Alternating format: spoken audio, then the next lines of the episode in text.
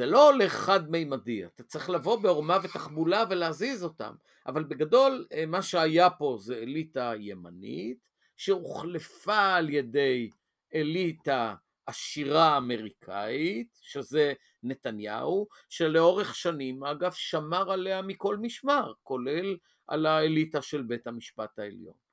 אבל מה שהוא יצר פה זה אה, תנועה של מאוכזבים.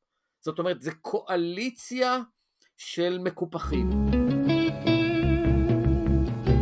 שלום לכם, אתם מאזינים ואתן מאזינות לפודקאסט עם אחד.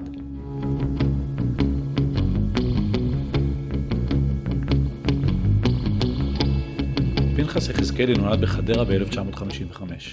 הוא גדל בתל אביב, באזור רחוק רחוק שנקרא היום הצפון הישן. פנחס שירת במשטרת ישראל והוא מומחה באפקטיביות של גופים ציבוריים, בתורת המערכות המורכבות ובתורת הכאוס במערכת אכיפת החוק ובביטחון הלאומי. הוא בעל תואר דוקטור בפקולטה למדעי הבריאות ופוסט דוקטורט במחלקה למדעי ההתנהגות באוניברסיטת בן גוריון. פנחס גם היה ראש המרכז למחקר אסטרטגי ולמדיניות ומנהל ידע של המכללה ביטחון לאומי ויועץ אסטרטגי של המשרד לביטחון פנים. הוא חבר בהנהלות של גופים ציבוריים, יועץ ומרצה באוניברסיטאות ובמכללות, כותב ועורך ספרים, כתבי עת ותוכניות רדיו. כל אלו בתחומי ביטחון לאומי ואכיפת החוק. כמו שתשמעו, הייתה לנו שיחה לא רגילה. הדעות שלו לא מתנצלות. פנחס העלה בי המון שאלות והמון עניין במה שהוביל למהפכה המשפטית ולכאוס שעובר על מדינת ישראל בחודשים האחרונים. האזנה נעימה. שלום רב פנחס, נעים מאוד ותודה על הזמן שלך.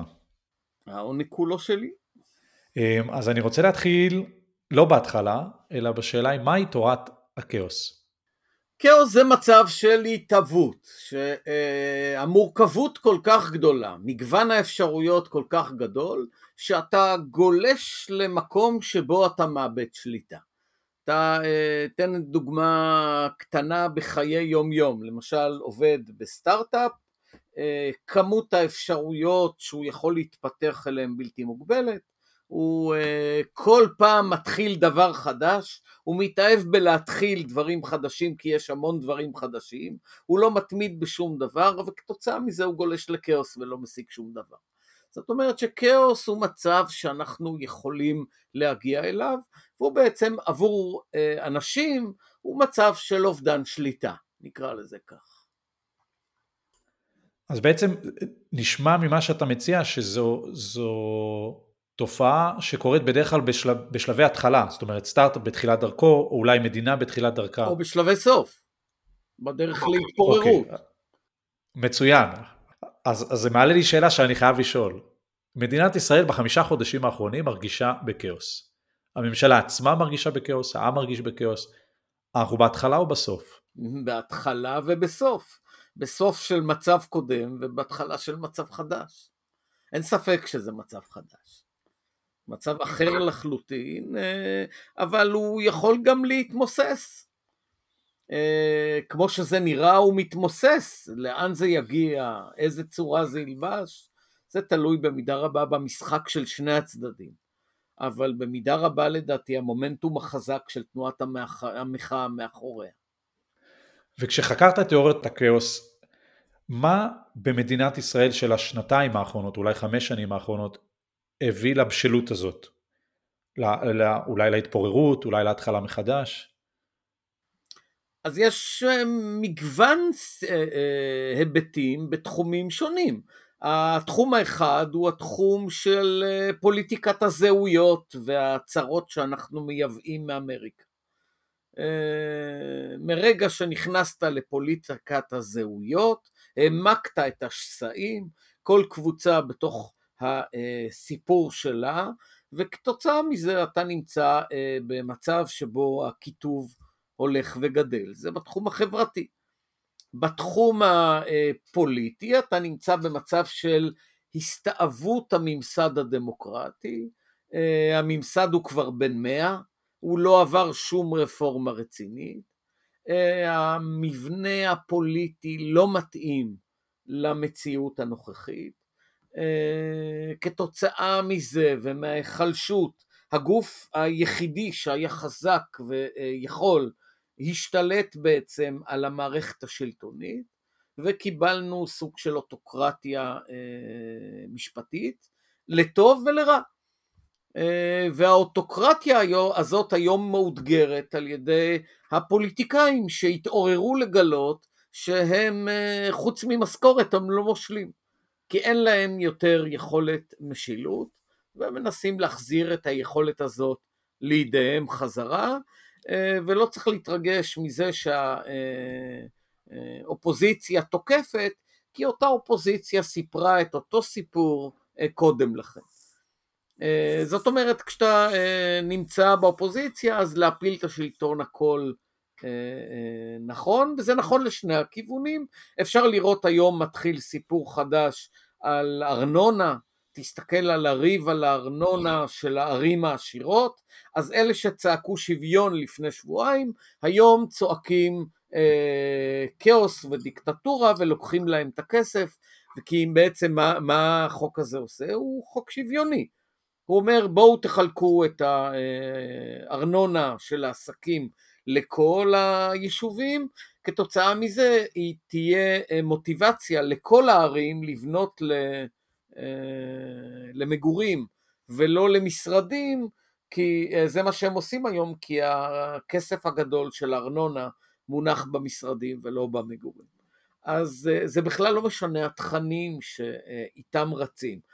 התכנים הם רם כלי בידיהם של יועצים אסטרטגיים כדי להשיג מטרות, וכשאנחנו נחליף את המיקום שלנו, נעבור מהקואליציה לאופוזיציה, אנחנו נצרח על אותם דברים בדיוק, ונסמוך על העובדה שזיכרונו של אה, הציבור חלש, הוא לא יזכור, והוא ישיר איתנו את השיר החדש, כי היום בישראל פוליטיקה זה כמו אוהדי כדורגל, ואתה שר את השירים של הקבוצה שלך, לא משנה אם היא טובה או רעה, אם היא צודקת או אה, נכשלת.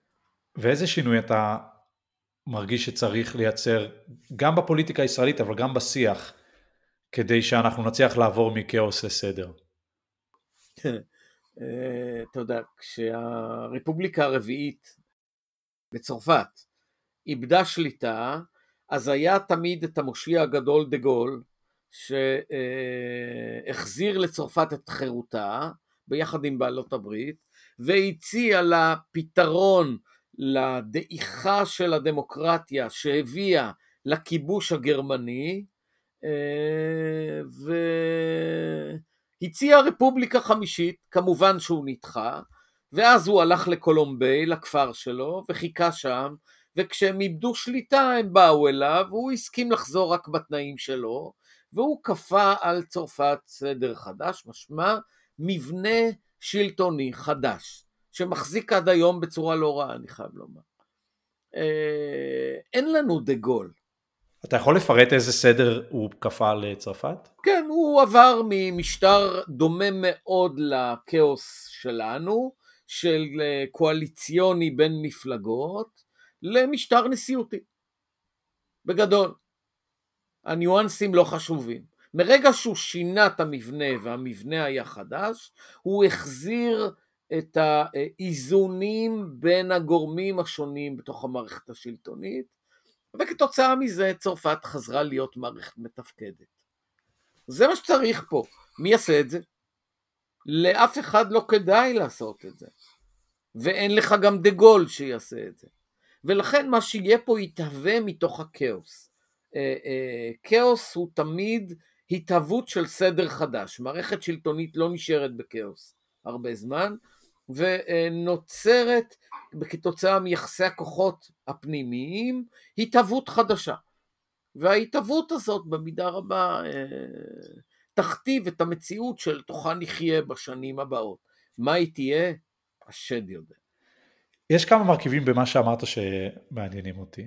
הראשון זה דה גול, זאת אומרת צריך מנהיג חזק, עם חזון, שלא מפחד, והדבר השני זה צריך עם שיבוא וידפוק לו על הדלת ויבקש עזרה. לפחות במקרה של צרפת. תיזהר כשאתה אומר חזק, כי היום בשיח המטומטם בישראל, חזק זה דיקטטורה, ודיקטטורה זה אוי אוי אוי, ומצד אחד תוקפים את נתניהו כי הוא מנהיג חלש, ואחר כך מספרים שהוא דיקטטור והוא יישאר פה לעד ולא יהיו בחירות. אז איפה בשיח הזה תמצא מנהיג חזק? ומי חזק כדי להנהיג? ומי בכלל, איפה אתה רואה מנהיג? אני חושב שהבעיה של כולנו היא היעדר מנהיגות. כי מנהיגות זה לא לעשות מה שפופולרי, אלא מה שחשוב. ולראות מה שחשוב. אני לא רואה לא מי רואה מה חשוב ולא מי עושה מה חשוב. אני חושב שהמנהיגות מאיתנו והלאה, לצערי היום. למה אתה חושב שזה המצב? אולי תספר קצת על המנהיגים שלהם אה, גדלת בסביבתם, נקרא לזה. ומה לדעתך השתנה כל כך? המנהיג הקלאסי הוא בן גוריון. עם הבנה מאוד מפוכחת של המציאות, הוא ניסה להגיע להסכמים עם העולם הערבי, הוא הבין את המנטליות הערבית ובנה את, תורת הביטחון הישראלית על פי המציאות האמיתית ולא על פי פנטזיות. אה, מאז עברנו דרך ארוכה והאליטה היא החוסלים מה שנקרא, הוותיקים, המזרח אירופאים שהגיעו לפה עם ערמומיות מובנית ועם ניסיון מספיק גדול כדי להבין מי הצד הערבי שעומד מולם, כבר לא קיימים.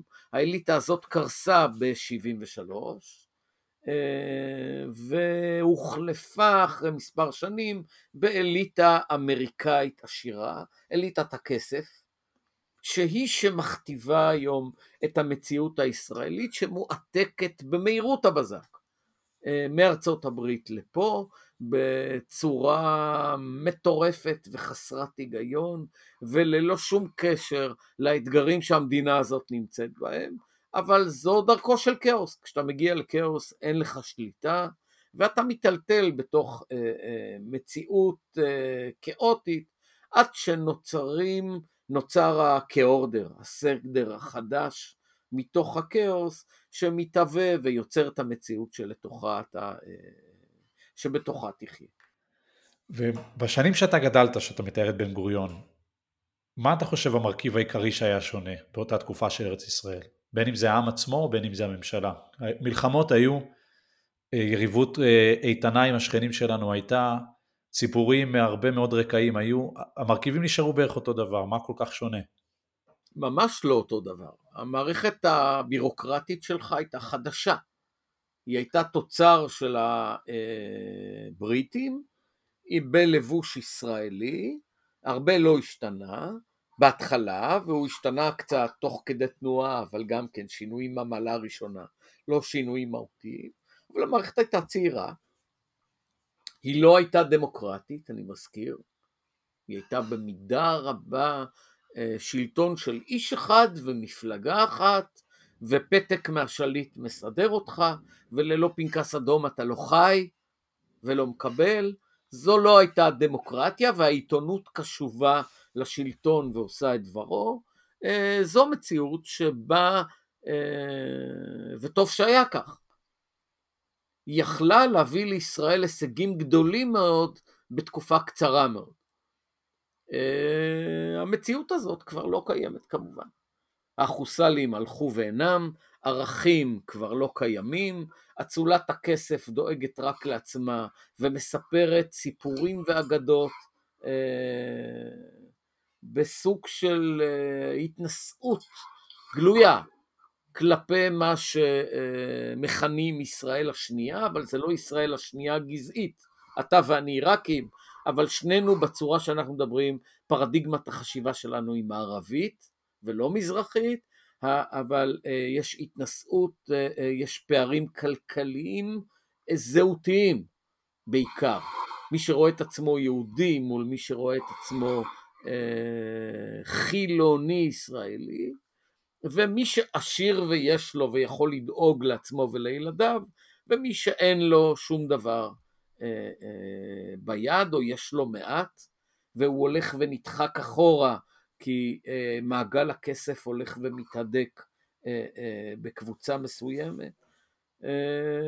ובתוך השסע הזה יש לנו פריפריה ויש לנו מרכז ויש לנו אליטה שחוץ מעצמה איבדה בכלל רצון להשתתף בחוויה הציונית, שציונות עבורה היא במידה רבה מילה גסה. ואפשר, אה, אז יספרו לך אחרת, אבל אבא שלי, כשניסיתי עכשיו להתחיל עם בנות כשהייתי קטן, כי הייתי קטן ומכוער, אה, ועבדו עליי כל הזמן, הוא אמר לי תמיד, אבני, תפסיק לשמוע מה הן אומרות, תתחיל להסתכל ולהבין מה הן עושות. זה נכון במידה רבה גם לגבי אה, אליטות, וגם לגבי אנשים, וגם לגבי קבוצות. אה, הקבוצה הזאת, מה שהיא עושה במידה רבה, זה אה, דואגת לעצמה ולילדיה ולעזאזל החלום הציוני. הוא נמכר כבר מזמן. אה, הפרא האציל שאותו מטפחת הקבוצה הזאת זה הערבים ולא הערבים היהודים. ובתוך המציאות המטורפת הזאת קמה לה ישראל השנייה, שמורכבת מאנשי הפריפריה, שהיכולת שלהם להשיג את מה שמשיגים במרכז היא אפסית, וכולם יגידו, מה, אתה מדבר, אתה מזרחי, ואתה, נכון, אני מזרחי ואני באליטות, אבל אה, זה לא אומר שמי שבאליטות הוא מזרחי ולהפך. זה אומר שקבוצת האשכנזים בתוך ישראל הראשונה היא גדולה מאוד, וקבוצת המזרחיים בתוך ישראל השנייה היא קטנה מאוד. וזו מציאות שצריך להכיר. לתוך, ה, למזרחיים האלה תוסיף חרדים, תוסיף את הציונות הדתית שמנסה להגיע, אה, להפוך לאליטה ולא מצליחה בגלל הרבה מאוד דברים שאני לא בטוח שזו השיחה לפתח אותם, אפשר לפתח אותם בשיחה אחרת. אה, והקבוצות האלה וחלק מהעלייה הרוסית שהלכה לפריפריה, והתוצאה היא שמי שנמצא בפריפריה מקבל הרבה פחות, לא יעזור כלום. אני גר בבאר שבע, הזמנתי MRI, נתנו לי תור לחצי שנה. אני מדבר עם חבר שלי בתל אביב, הוא אומר שהוא ביקש אתמול MRI והציעו לו MRI אה, יום לאחר מכן בחצות. איפה? בבאר שבע. כי ה-MRI שהוצב בבאר שבע הוצב בפריפריה, אבל משרת במידה רבה את תושבי המרכז. זאת אומרת, לא נעשה שום דבר בשביל הפריפריה כפריפריה. נוצר רק, אה, אה, נעשים דברים כדי שהפריפריה תשרת את המרכז. לא בנו כבישים טובים לפריפריה כדי לשרת את הפריפריה. בנו אותם כדי שמרגע שהם נוצרו, במקום לקדם את המקומיים, כמו שהיה פה עד אה, שנות התשעים, מקדמים אה, תל אביבים שלא זכו להתקדם בתל אביב, מעבירים אותם לתפקידים אה, אה, בדרום ובצפון. כי הכבישים טובים ואפשר להגיע ואפשר לעלות על רכבת, לנסוע שעה ולהגיע, וכל התפקידים נתפסים בעצם על ידי תושבי המרכז. אם בעבר כשאני למדתי באוניברסיטת בן גוריון היית בשעות שהמרצה לא מלמד הולך לחדר שלו והוא תמיד שם, אין היום מרצים בחדרים, למה? הם באים עם הרכבת והולכים עם הרכבת. אין מנתחים אה, שגרים פה, הם באים עם הרכבת והולכים עם הרכבת. אין מפקדי משטרה מקומיים. בוא נדבר על זה רגע. אתה גדלת ילד עיראקי בחדרה. אני גדלתי, לא, אני, אה, נדמה לי שהוריי אה, עשו אותי במעברת קרקור, אה, נולדתי בחדרה, ומגיל הגן קיבלנו שיכון במה שהיה יזור, אזור, ואחר כך הוריי עברו לתל אביב, לקצה נידח ליד הירקון, בסוף דיזינגוף שהיה צריך ללכת ולא היה אוטובוס בהתחלה לשם. אז אתה בכלל גדלת בתל אביב. וגדלתי בתל אביב ועברתי את כור ההיתוך התל אביבי. זאת אומרת, אה, מגיל צעיר סיפרו לי שאנחנו דור ראשון לגאולה, והורינו, אגב סיפרו את זה לכולם, גם להונגרי וגם לפולני וגם לרומני, ושהורינו הם אנשים גלותיים, שצריך במידה רבה להתבייש בהם. גם ההונגרי וגם העיראקי. גם, ואני אה, הגעתי הביתה, שמעתי את אבא שלי שהוא מחנך בבית הספר, שהוא איש אה, לימוד, שלימד גם בעיראק באליאנס אה, היוקרתי, גם יהודים וגם לא יהודים. אה, שמע אום כולתום ברדיו הגדול הזה עם המנורות, ואני הזהרתי אותו פעם אחת, הזהרתי אותו פעם שנייה, בפעם השלישית לקחתי את הרדיו וזרקתי אותו למטה מקומה שנייה. סיפור אמיתי. כי אמר, אצלנו מדברים רק עברית, שומעים רק עברית, לא נתתי להם לדבר ביניהם ערבית, הם דיברו ביניהם אנגלית. כי אני פשוט עשיתי מהומות כשהם דיברו ערבית. ואתה גדל, ואתה גדל במה שהיום צפון, צפון הישן של תל אביב, צפון דיזינגוף, ואתה מודע לזה שאתה, אני לא יודע באיזה מילה להשתמש, שאתה מזרחי ושיש עם זה בעיה? הפעם הראשונה שהייתי מודע, אבא שלי רשם אותי בכיתה ז' לכיתה היוקרתית, אז היה בגימנס הרצליה. אה, גרנו בשני חדרים, אבל הוא חסך כסף מעצמו, אה, וכל חודש הייתי בא עם מעטפה לגימנס הרצליה ונותן את הכסף, כי אז זה היה, ב... זה לא היה במסגרת אה, חוק שכר לימוד, חוק לימוד חובה. וגדלתי עם אנשים אה, עם המלח של המדינה הזאת. אנשים שיש להם כסף ויש להם יכולת, ואת אה, האמת, הפעם היחידה שהפלו אותי זה שצלצלו מהתאחדות יוצאי עיראק וביקשו לתת לי מלגה, כי אני עיראקי, ואני אמרתי לאבא שלי שאם הוא ייקח את המלגה אני אפסיק ללמוד. ועם כל הקשיים שלו, אילצתי אותו לא לקחת את המלגה, והוא שילם כל חודש. יכול להיות שמזרחי זה לא מוצא, זו תפיסה? לא יודע, ואחר כך הפעם הבאה שנתקלתי באפליה אה, גזעית, היה כשלא זרקו אותי מגימנס הרצליה כי זרקתי מורה למים בטיול שנתי, כי אני אחד משני המזרחיים היחידים במחזור, או ככה לפחות סיפרו. אז היה משתלם. זה היה מאוד משתלם, ואני, מבחינתי להיות עיראקי זה היה אוכל. וכל חבריי אהבו את האוכל. והקללות.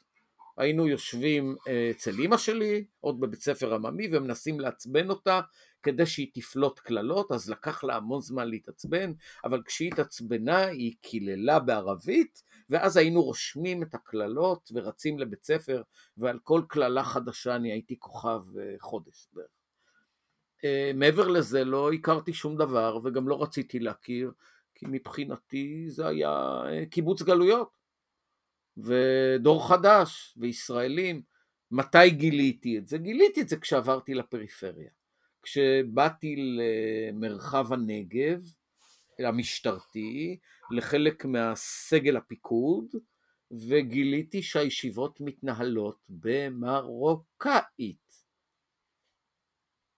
וואו. אנשים מדהימים, אבל הם דיברו מרוקאי, כולם היו מרוקאים.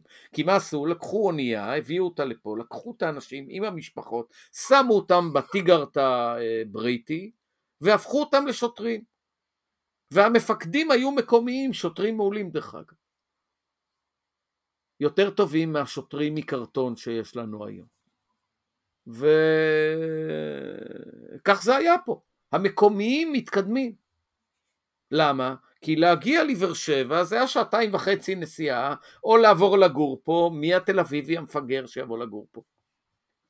אני גם חוויתי את החוויה הזאת בתור ילד שגדל באחד מיישובי הצפון, אה, יישוב אשכנזי, עובדי רפאל, אני עיראקי מזרחי, לא עוד הרבה כמוני, אבל א' לא ידעתי מה זו אפליה, לא ידעתי שאני מזרחי עד הצבא, ויש איזושהי תחושה שהמזרחיות תקפה כל עוד היא רק בתוך המזרחיות. המסכנות שמתוארת המון פעמים בציבורים המזרחים, מתקיימת כאשר כל הציבור מסביב הוא גם מזרחי. ודווקא כשהמזרחי גדל בתור אה, יישובים מעורבים או אשכנזים, אז אין על זה דיבור בכלל. בוודאי כי הוא עובר סוציאליזציה. מה הסיפור? הסיפור הוא שכשאתה אה, קולט גל הגירה וכולם מתערבבים, כבר הדור השני הוא דור שונה. אבל כשאתה שם את כל המרוקאים נאמר במושב אחד, הם ממשיכים לדבר מרוקאית. הילדים שלהם מדברים וחושבים כמו הוריהם שחיו בערי האטלס. ואז בעצם תהליך הסוציאליזציה נדחה. מתי הוא הגיע, אבל הוא גם לא הגיע עם ישראלים. הוא הגיע בעלייה גדולה מרוסיה בתחילת שנות התשעים. ואז הרבה מאוד מרוקאים ראו נשים יפהפיות לבנות, עזבו את נשותיהם והלכו אה, והתחתנו מחדש, ופתאום גיבלנו פה מגוון מטורף ביופיו אגב, ומשוגע ב, ב, אה, אה, בתוצר שלו, של אנשים כמו אה, שם משפחה ולדימיר בוקובזה. ולדימיר כי אימא שלו קבעה את השם, בוקובזה כי אבא שלו מרוקאי. אז מעבר להמון נשים יפות, נוצר פה, נוצרה פה תרבות של אנשים שיודעים מוזיקה, ומבינים עולם גדול, וקוראים ספרות, ופתאום נוצרה פה תרבות, אבל היא לא התרבות הישראלית התל אביבית, היא משהו אחר. והקבוצה הזאת מופלית לא בהיבט שהיא מזרחית, אלא בהיבט הוא, אם אני קנון וגאון ומצליח, בטח שאני אצליח. והרבה מאוד אנשים בפריפריה מגיעים לתל אביב, עושים חיל. אבל מה קורה אם אני בינוני? כשאני בינוני, הסיכוי שלי להגיע הוא אפסי. לעומת זאת, אם אני בצפון תל אביב ואני בינוני, קודם כל כמות הרופ... המורים הפרטיים שאני אקבל תדחוף אותי כמה שיותר למעלה, הקשרים של ההורים שלי ידחפו אותי למעלה, הקרבה לאנשים שאני מכיר שיכולים לסדר אותי הרבה יותר טובה, ויופי חי. עכשיו, היום כבר גם הצבא הוא חלק מהסיפור. למה? כי אתה, הצבא, השירות הצבאי קובע את העתיד שלך. אם אתה fighter, הסיירת מטכ"ל והצנחנים, כי משם באים המפקדים. לא מהג'ורה. אה, ואם אתה אה, טייס, אז יש לך מקצוע לעתיד.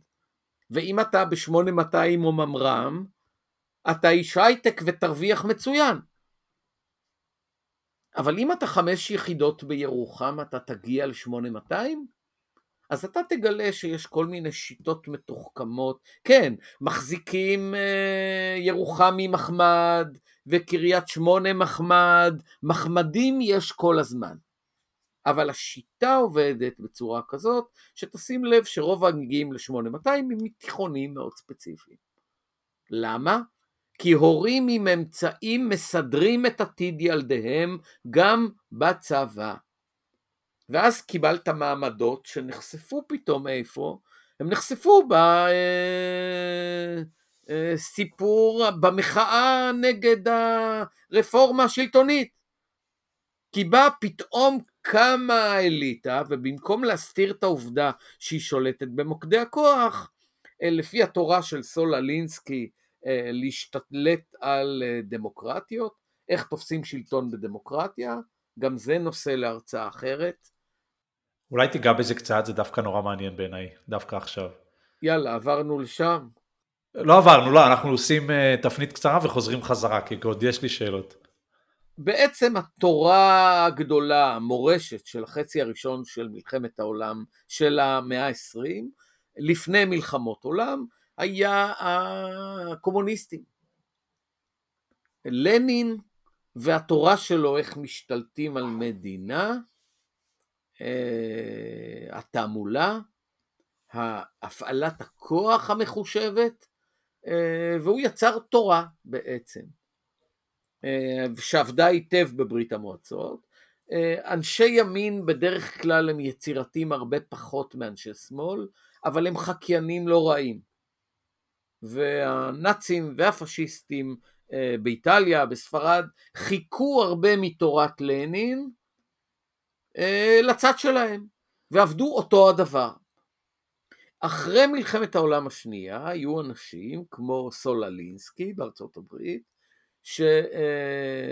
שלקחו, שהיה אנרכיסט אגב, והוא יצר שתי, 13 אה, עקרונות אה, להשתלט על מדינה דמוקרטית, אה, להשתלט על הדמוקרטיה בעצם, אה, שנובעים מתורת לנין.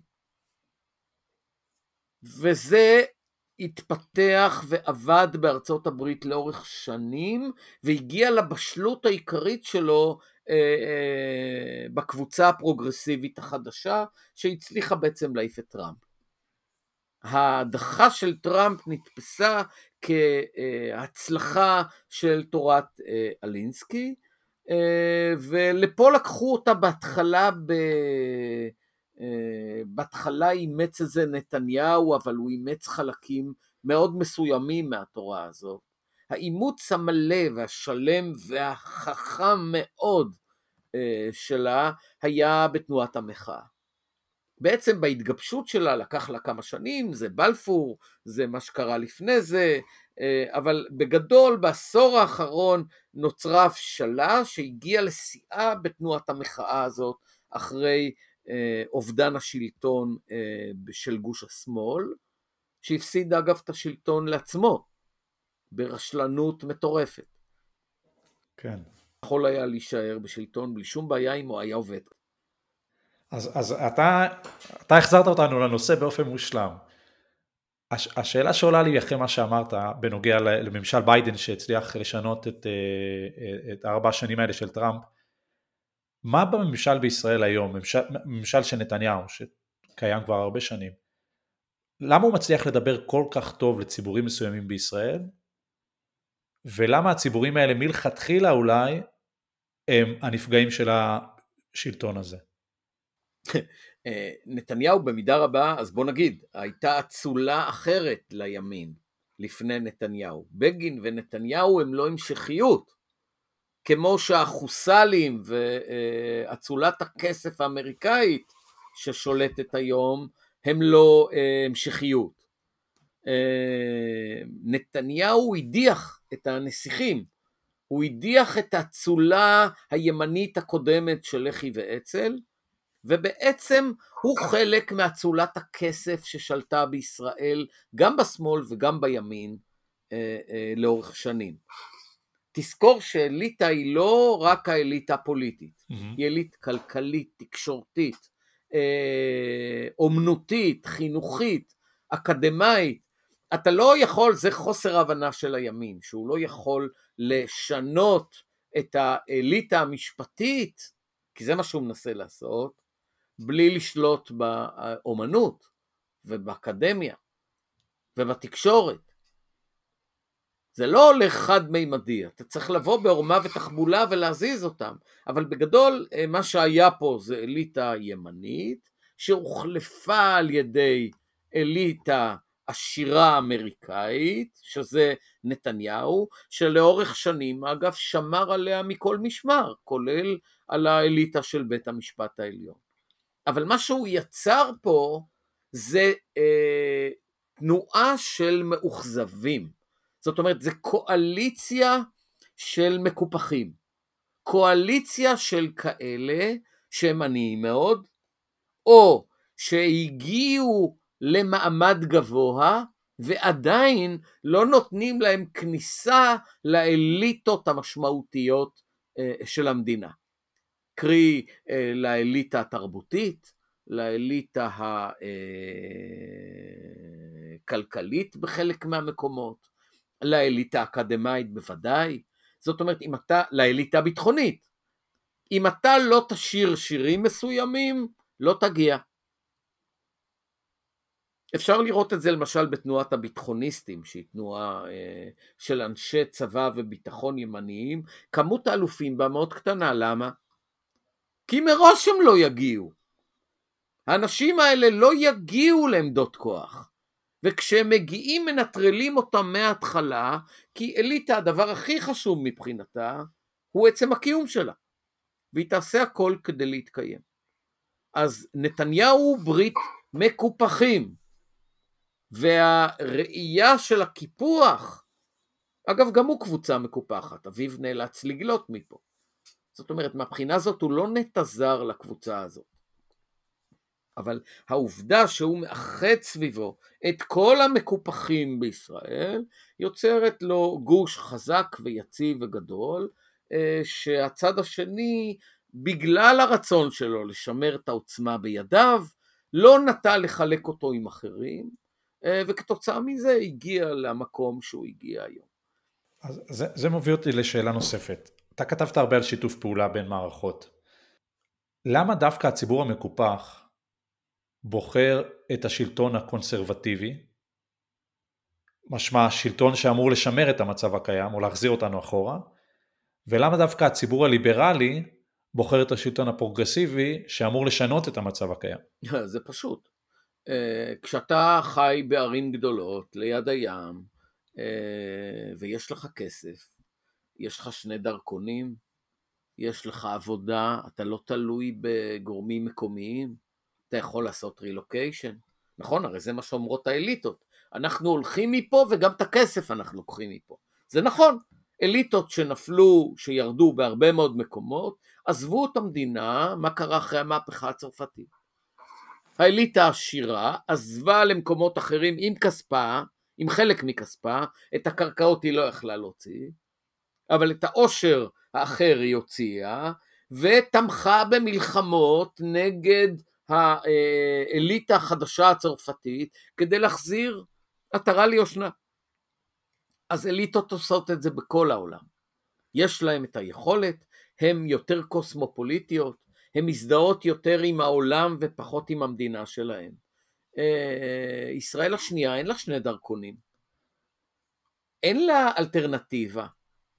היא לא יכולה להמר כל מיני הימורים כמו הסכם אוסלו, ואם לא יצליח אז נסתדר, כי נסתדר זה נעלה על המטוס ונעוף מפה. זה מה שקרה למשל, אפשר לראות את זה, במלחמת אה, רוסיה-אוקראינה היום. האליטה האוקראינית וגם הרוסית, מי שיכל, לקחו את הרגליים ועפו משם, דבר ראשון. זה מה שאליטות עושות. ומה ההיסטוריה מוכיחה על התהליך הזה של לקחת את הרגליים ולעוף? ככה זה. אבל בסופו של דבר צרפת ממשיכה והופכת להיות עשירה יותר. אבל האליטה השתנתה אז. האליטה כבר לא, אה, הכוח היה בידי הכמורה ובידי האצולה. האצילים, האצילים לקחו את הכסף, עברו למדינות אחרות וניסו לשכנע אותם להילחם בצרפת. חלקם גם נלחמו פיזית בצרפת. המהפכנית. ההיסטוריה אבל מוכיחה אותנו שכל פעם שיש מהפכה כזאת והאליטה הולכת, עולה אליטה חדשה. כן, אבל לוקח המון זמן עד שהיא עולה, ובינתיים יש הידרדרות, והכסף הולך, בוא לא נטעה. כשהגרמנים כבשו את פולין, מה הם עשו דבר ראשון? הרגו את האליטות. הם חיסלו את האליטות, למה? כי אליטה צומחת לאט, ועד שהיא תצמח, אתה בעצם אה, אה, גורר את העם הפולני לכאוס. אי אפשר בלי אליטה. רק אצלנו, אחרי המחאה, פתאום להגיד אליטה זה מילה גסה. לכל קבוצה יש קבוצה קטנה יותר שמנהיגה אותה. היא מחזיקה את היתרונות, ויש לה גם טובות הנאה. הזאב השליט אה, בלהקת זאבים, אה, הוא יקבע אם הלהקה הזאת תצלח לעבור את החורף או לא תצלח. אבל הוא גם יש לו את כל היתרונות. הוא היחידי שעושה סקס בין כל הסכרים שבקבוצה שלו. אז הטוב והרע הולכים ביחד. מה היית רוצה שהציבור בישראל יבין עכשיו בנוגע לאליטה ו- ו- ולקבוצת המעמדות הזאת שנמצאת בארץ, הסדר והכאוס שבתוכה? אה, טוב, יש פה, הציבור בישראל זה משהו גדול, בוא נלך על שני הגושים, ננסה לברר איפה הם נמצאים. הגוש הימני רק התחיל להבין מה זה אליטות. שזה לדעתי הטעות הקרדינלית של אה, גוש השמאל במשחק הנוכחי. אין לו מטרות מוגדרות, הוא הגדיר אותם כהשגת אה, סיפור המהפכה, אז הוא ביטל את המהפכה לטווח הקצר, זה הישג נהדר, מעבר לזה לדעתי הוא לא ישיג הרבה. מעבר לגיבוש העצמי שלו, ואולי הוא יכול ליצור כוח אה, אה, שיעמוד על זכויותיו, אולי ישלם פחות מיסים, אולי יתמוך פחות באוכלוסיות אחרות, אבל זה עניין של זמן, נראה לאן זה יתפתח. כמו זה נראה עכשיו, המהפכה הזאת, אה, המחאה מיצתה את עצמה. היא נגררת למחוזות הזויים, היא נהפכת להפגנות נגד הכיבוש, כל מיני קבוצות קיצון משתלטות עליה, למה? כי הרוב לא נמצא שם. תראה למשל את כמות הקולות שבני גנץ מקבל בסקרים. למה? כי אנשים נבהלו מהמקום שאליו זה הגיע, סרבנות, חוסר נכונות לשרת, אלה מקומות שמאוד מפחידים ישראלים, שפשוט לקחו את הרגליים והלכו למקום אחר. אבל הימין הבין בהתייצבות של האליטה פתאום להגיד אנחנו באקדמיה, האקדמיה איתנו, אנחנו בכלכלה, הכלכלה איתנו, אנחנו מוציאים מפה את הכסף, אנחנו בביטחון, לא נילחם בשבילכם. הם הבינו שהדבר הראשון שהם צריכים לעשות בעורמה ובתחבולה זה להחליף את האליטות בכל מוקדי הכוח שבהם הם נמצאים. זה עבודה של 40 שנה. זה לא יקרה היום. וזה משהו שאפשר לעשות אותו? להחליף את האליטה בהייטק, את האליטה בצבא? בעורמה ובתחבולה. בעורמה ובתחבולה, שים לב, היום לך לקורס קצינים אה, בבה"ד 1, אה, כמעט כולם כיפות סרוגות. כל הצוערים כמעט כיפות סרוגות. תגיע לאלופי המטה הכללי, כמה יש עם כיפה? עכשיו תבדוק כמה מהם משוכנזים כמוני וכמוך. זאת אומרת, בעלי פרדיגמת חשיבה מערבית ליברלית, ותגלה שאולי אחד. האם יש לו תפקיד משמעותי? חד משמעית לא, לא ייתנו לו גם. אה, מי האיש המובהק ביותר שמזוהה עם הציונות הדתית? אה, הוא תת-אלוף שלא התקדם ולא קיבל אלוף. ככה זה עובד. פנחס, המון המון תודה. תודה רבה לפנחס, ותודה לכם שהאזנתם לנו. אני אלון מיכאל, ואם גם אתם מאמינים שעוד לא עבדה תקוותנו, תצטרפו אליי למסע הזה. הרי כולנו